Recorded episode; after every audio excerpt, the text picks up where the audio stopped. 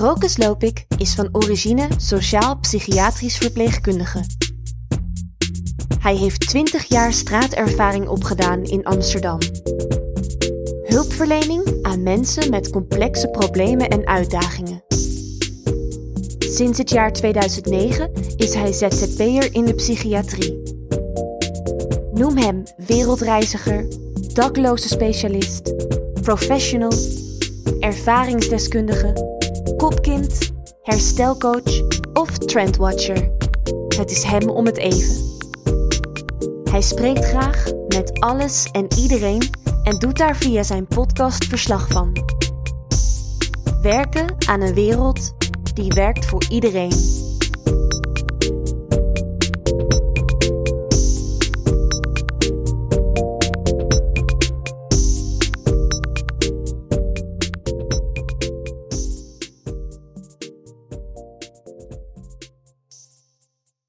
Het lag in mijn bedoeling om Ralf Glutowski in een park in Amersfoort te spreken. Het weer zat twee dagen niet mee. Eerst waaide het te hard, windkracht 9, en de tweede dag regende het cats and dogs. Vandaar dat ik hem voor de alweer negende aflevering van de Kantelcast ontmoette op het terrein van Zon en Schild in Amersfoort. Ralf stelt zichzelf aan jullie voor. In de interviews over de kantelmomenten in iemands leven stel ik altijd vier vragen. Vraag 1. Kun je een kantelmoment in jouw leven beschrijven? De dag dat je besloot om het roer om te gooien. Vraag 2. Kun je beschrijven wat er in dat moment gebeurde? Was het een boek, een persoon, een film, een muzieknummer? Wat bepaalde dat jij het roer ging omgooien? Vraag 3. Wat heb je van dat kantelmoment geleerd?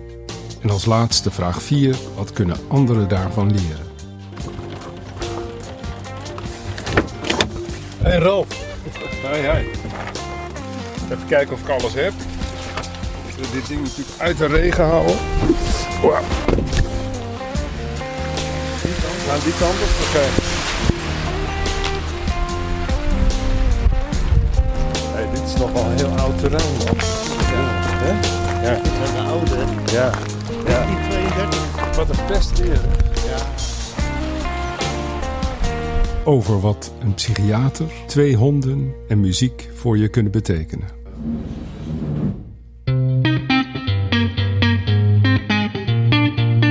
Nou, ik ben Ralf Gutowski. Ehm, ik werk uh, ondertussen alweer een heel aantal jaren bij GGZ Centraal uh, in Amersfoort. En op dit moment werk ik in een vakteam en in het DVI-team. Het DVI is uh, diagnostiek en vroege interventie. Uh, dat is een team die zich met name richt op uh, jongeren, jongelui met psychose, gevoeligheid. En daarnaast ben ik ook sinds vorig jaar vicevoorzitter van de ondernemingsraad van GGZ Centraal.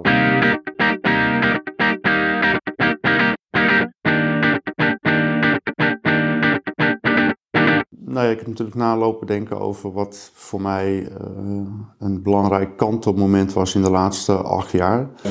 Acht jaar terug ben ik eigenlijk voor de eerste keer met de psychiatrie in aanraking gekomen. Uh, heeft ook geresulteerd in een opname. Dat zou twee weken duren. Dat werd uiteindelijk vijf maanden. Ik heb daar heel veel tijd gehad om na te denken. Ja, dat was de crisisdienst. En die okay. zeiden van nou oké, okay, een time-out. Ik was toen natuurlijk behoorlijk zeg maar, van het padje af. En dat... Uh, ik moet wel heel eerlijk zeggen dat ik dat zelf toen niet zo zag. Uh, ik had daar toch een andere mening over. En, dat, uh, en ik had zoiets, nou ja, twee weken een time-out. En uh, ik kreeg toen nog wat voorstellen van, nou oké, je krijgt drie opties. Want ik was best wel eigenwijs. Dus, je mag naar Zonschild. Je mag naar de paasafdeling in het Elisabeth ziekenhuis. En je mag ook helemaal niks doen. En dat was ook al een eerste moment dat ik zoiets had van, ja oké, helemaal niks doen is ook niet goed, want ik vloog alle kanten uit en daar had ik geen controle meer over. En ik heb toen gekozen voor de paasafdeling in het Elisabeth ziekenhuis. Schild die had natuurlijk best wel een bepaalde reputatie en ondanks dat ik nooit met de psychiatrie in aanraking geweest was, ja, spookte dat toch wel door mijn hoofd heen. Zo van, oh nee, dat niet. Uiteindelijk is het de paas geworden.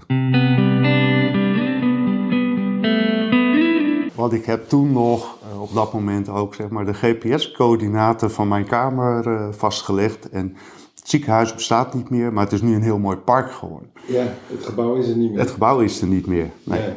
En dat, eh, maar ik heb nog wel die plek waar ik dus die vijf maanden eigenlijk geslapen heb. En daar is ook wel voor mij een heel erg kantelmoment eh, ontstaan. Wil niet zeggen in die eerste paar weken, want toen was ik nog veel te veel bezig met eh, weer stabiel worden. En dat ging ook gewoon helemaal niet echt makkelijk. En dat eh, alles was ook nieuw. Ik kwam toen ook in aanraking natuurlijk met medicatie en al dat soort dingen. En dus dat was wel een hele bijzondere periode. Maar, dat, eh, maar mijn kantelmoment wat ik toen daar gehad heb, en dat was op een gegeven moment dat ik echt toch wel dat bewustzijn kreeg van, ja, ik kan dit niet meer alleen. Ik heb gewoon hulp nodig. Dat alles waar ik nog mee bezig was, daar moet ik een weg in gaan vinden om dat los te laten. Zodat ik gewoon uiteindelijk mezelf open kan stellen om uiteindelijk die hulp te aanvaarden. Dat was gewoon echt een strijd. Want ik had altijd zoiets van, ja, net zo'n klein kind, alles zelf willen doen. Controle willen hebben over alles wat uh, gebeurt. En nou ja, die controle was ik volledig kwijt. En, uh, en, er gebeurde heel veel, maar niet dat wat ik wilde. En dat werkte ook niet meer. Dus al die systeempjes die ik ontwikkeld had, ja, want dat kan ik nu achteraf zeggen, maar dat, dat, ik had zoveel systeempjes ontwikkeld om te vermijden, om te doen, mensen op afstand te houden. En ja, dat functioneerde gewoon niet meer. En dat was best een shock op dat moment. Die, die eerste paar weken, um, dan zit je in één keer op zo'n op zo'n paasafdeling. Maar ik had ook zeg maar van, van alles wat buitenaf speelde en alles wat ik kon gebruiken, ja, dat heb je daar niet. Uh, het enige wat je hebt zijn zeg maar de, de mensen die ook op die afdeling zitten. Doordat ik niet meer ook stress en druk van buitenaf had, wat ik trouwens ook gewoon perfect gebruikte om smoezen te verzinnen voor van alles en nog wat, werd ik ook geconfronteerd in één keer met andere mensen die dus ja, ook gewoon een psychische kwetsbaarheid hebben. En dat is voor mij wel een detailmoment op een gegeven moment geweest, ook wel in de gesprekken die ik daar gehad heb met mensen, zo van, ik moet gewoon echt wat gaan doen. Want mm. ik wil niet de rest van mijn leven lang hiermee strijden. En ja. er waren best wel wat mensen die daar uh, zaten en uh, die ook wel een soort van berusting hadden in datgene wat ze hadden. En die vertelde me dan ook van, ja, één keer in de drie maanden en dan uh, gaan we weer een maandje op de paas zitten en dan ben ik weer een beetje stabiel en dan ga ik weer naar huis. En dan vroeg je ook van, ja, maar hoe lang duurt dat dan al? Dat duurt al wel twintig jaar zo. En toen had ik echt even zoiets van, wow, maar wil ik dit? Toegeven aan het, aan het feit van dat ik, dat ik daar echt het niet meer zelf kon, dat was één. Maar ik kreeg toen ook wel een bepaald gevoel van oké, dat, dat alle negativiteit die ik om me heen hoorde, van ik moet daar toch een weg in vinden om dat naast me neer te zetten en echt naar mezelf te kijken van wat heb ik nodig? Wie kan mij daarbij helpen? Op dat moment ging het eigenlijk nog onschuldig, zoals ze dat dan zeiden, van ja, je hebt een lichte depressie en nou ja, burn-out en dat, dat soort dingen. En later kwam dan die complexe PTSS erbij. Dus ik was wel eigenlijk vol goede moed. Nou ja, wat, wat natuurlijk ook gewoon heel shocking voor mij was dat, dat ik niet zeg maar één spiegel zag van mijn eigen gedrag. Maar ik zag gewoon drie afdelingen en daar zaten allemaal mensen die allemaal diezelfde symptomen hadden, maar die, die ook op eenzelfde manier dachten en werkten. En ik had echt zoiets van, wat is dit, weet je wel? Dat, dat, want ik was daarvoor ook nog best wel in een slachtofferrol. Zo van, ja, weet je wel, ik ben klein en de hele wereld is tegen me. En, en ja, dat was, aan de ene kant was dat een moeilijk moment, maar aan de andere kant was dat ook een moment van bevestiging van ja, ik heb gewoon echt een probleem. Ja. En, en hoe ik dat toen moest oplossen, ja, dat wist ik toen op dat moment gewoon absoluut nog niet. Maar ik had wel op een gegeven moment dat toch wel mijn ogen open gingen en zoiets hadden van ja, ik zit hier nu toch en ik kan nu dingen loslaten ze zeiden ook van je moet dingen loslaten. Nou, dat moeten vond ik altijd weer wel lastig. Want ja, moeten is altijd zoiets van je moet. En dan had ik zoiets direct weerstand. Zo van, nou ja, dat uh, bepaal ik zelf wel. En, maar ik ging wel die strijd met mezelf aan. En dat, uh, ja, en daar is eigenlijk wel uh, de start geweest van mij van wat in al die jaren gebeurd is. Dat is echt mijn moment geweest dat ik in plaats van dat ik me afgezet heb tegen behandelaren, psychiatrie, dat ik eigenlijk zoiets had van ja, maar die mensen die zijn er gewoon om mij te helpen. Ik ben toen ook gewoon hulp gaan vragen. Nou, dat was echt een mijlpaal.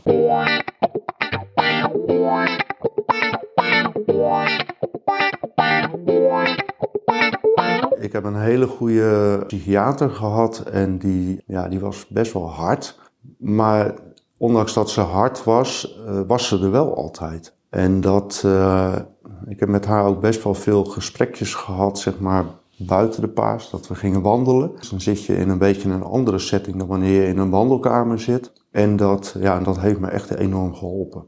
Ik kreeg bij haar gewoon altijd echt het gevoel dat ze gewoon een heel goed luisterend oor had. Dat het niet alleen maar over uh, de medische termen ging. En, en dat, dat, ik kreeg bij haar ook wel een gevoel van rust op een gegeven moment. En dat gaf me ook vertrouwen. En, ja, en ze was ook wel gewoon heel erg in de oplossingen denken. En mm.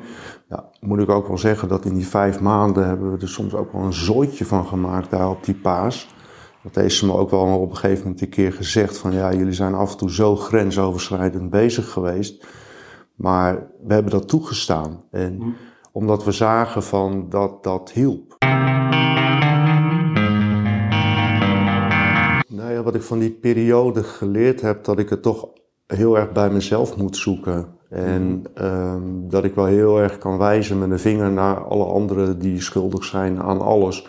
Maar uiteindelijk uh, ja, bepaal je dingen zelf. En als ik dingen wil oplossen, dan zal ik het zelf moeten doen.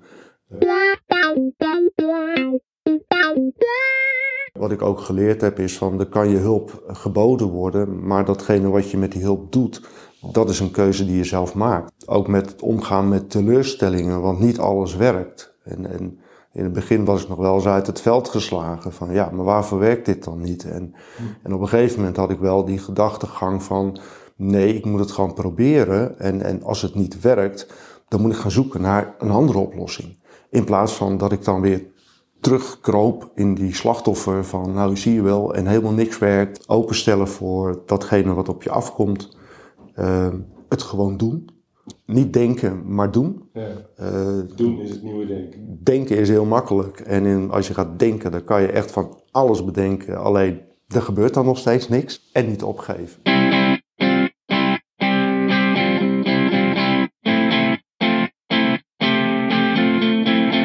Er is nooit een garantie dat dingen lukken, maar gewoon het feit dat je uh, voor jezelf een keuze maakt en zegt van nou ik ga het in ieder geval proberen, dat, dat is, nou, in mijn geval was dat wel zo, uh, dat gaf zoveel kracht en energie en dat, dat ik gewoon weer dingen probeerde.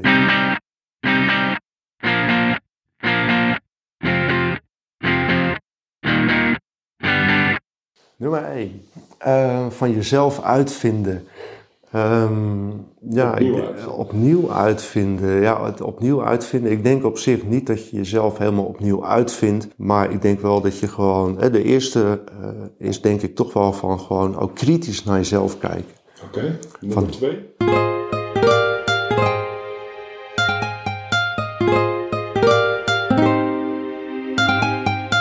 De, de tweede is, en dat is en dat blijft nog steeds, dat is gewoon uh, openstaan voor een ander, uh, openstaan voor uh, tips van een ander, voor kritiek van een ander, maar dat je luistert.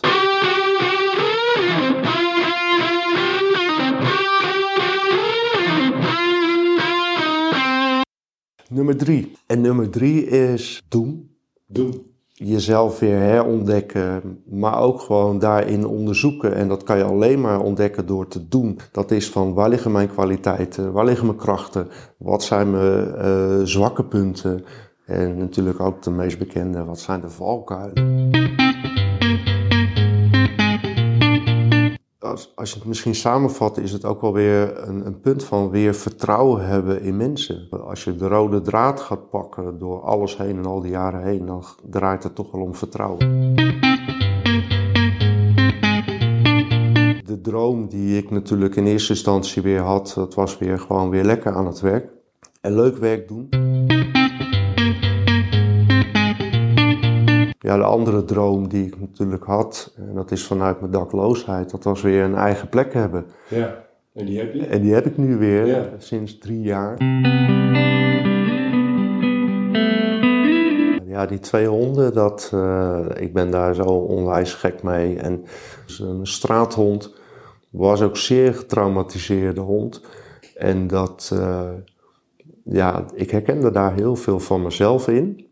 Dus dat Ja. was ook wel weer heel bijzonder. Ja, ook een kantelmoment. Een hele complexe hond, maar het is zo'n ongelooflijk lief hond. En ik krijg daar ook zoveel van terug. En ik heb natuurlijk nog niet zo heel lang nu een tweede erbij. En dat, eh, dat was eigenlijk een beetje eh, voor... ja, die andere hond die was altijd maar alleen.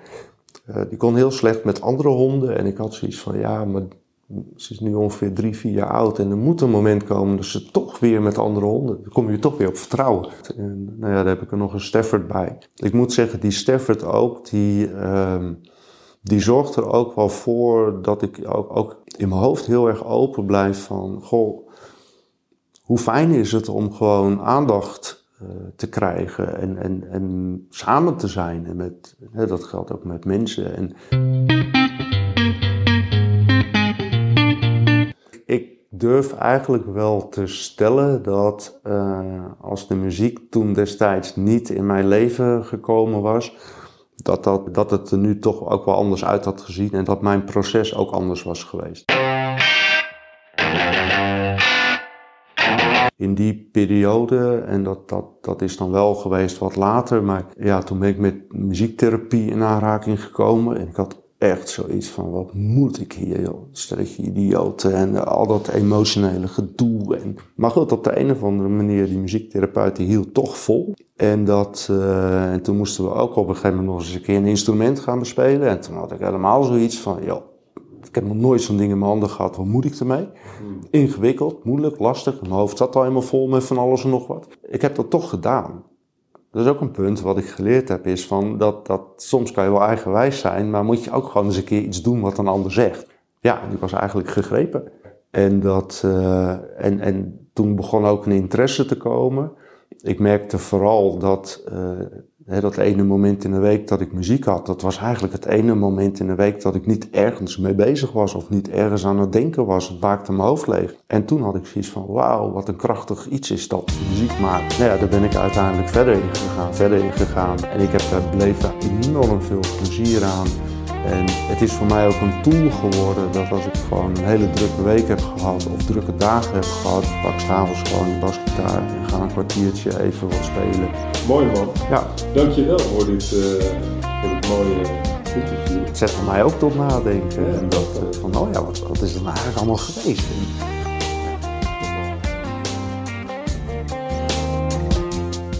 Dank voor het luisteren naar deze podcast over Ralph Gutowski en wat een psychiater, honden en muziek voor je kunnen doen. Ik hoop jullie weer te ontmoeten bij de volgende Kantelcast aflevering en dan met Alan Bunzee, deelnemer aan het programma van Boven Ervendoorns, The Amsterdam Project. De Kantelcast kun je beluisteren op Spotify, Apple Podcast, Buzzsprout en Soundcloud. Tot de volgende Kantelcast. Heb een mooie dag.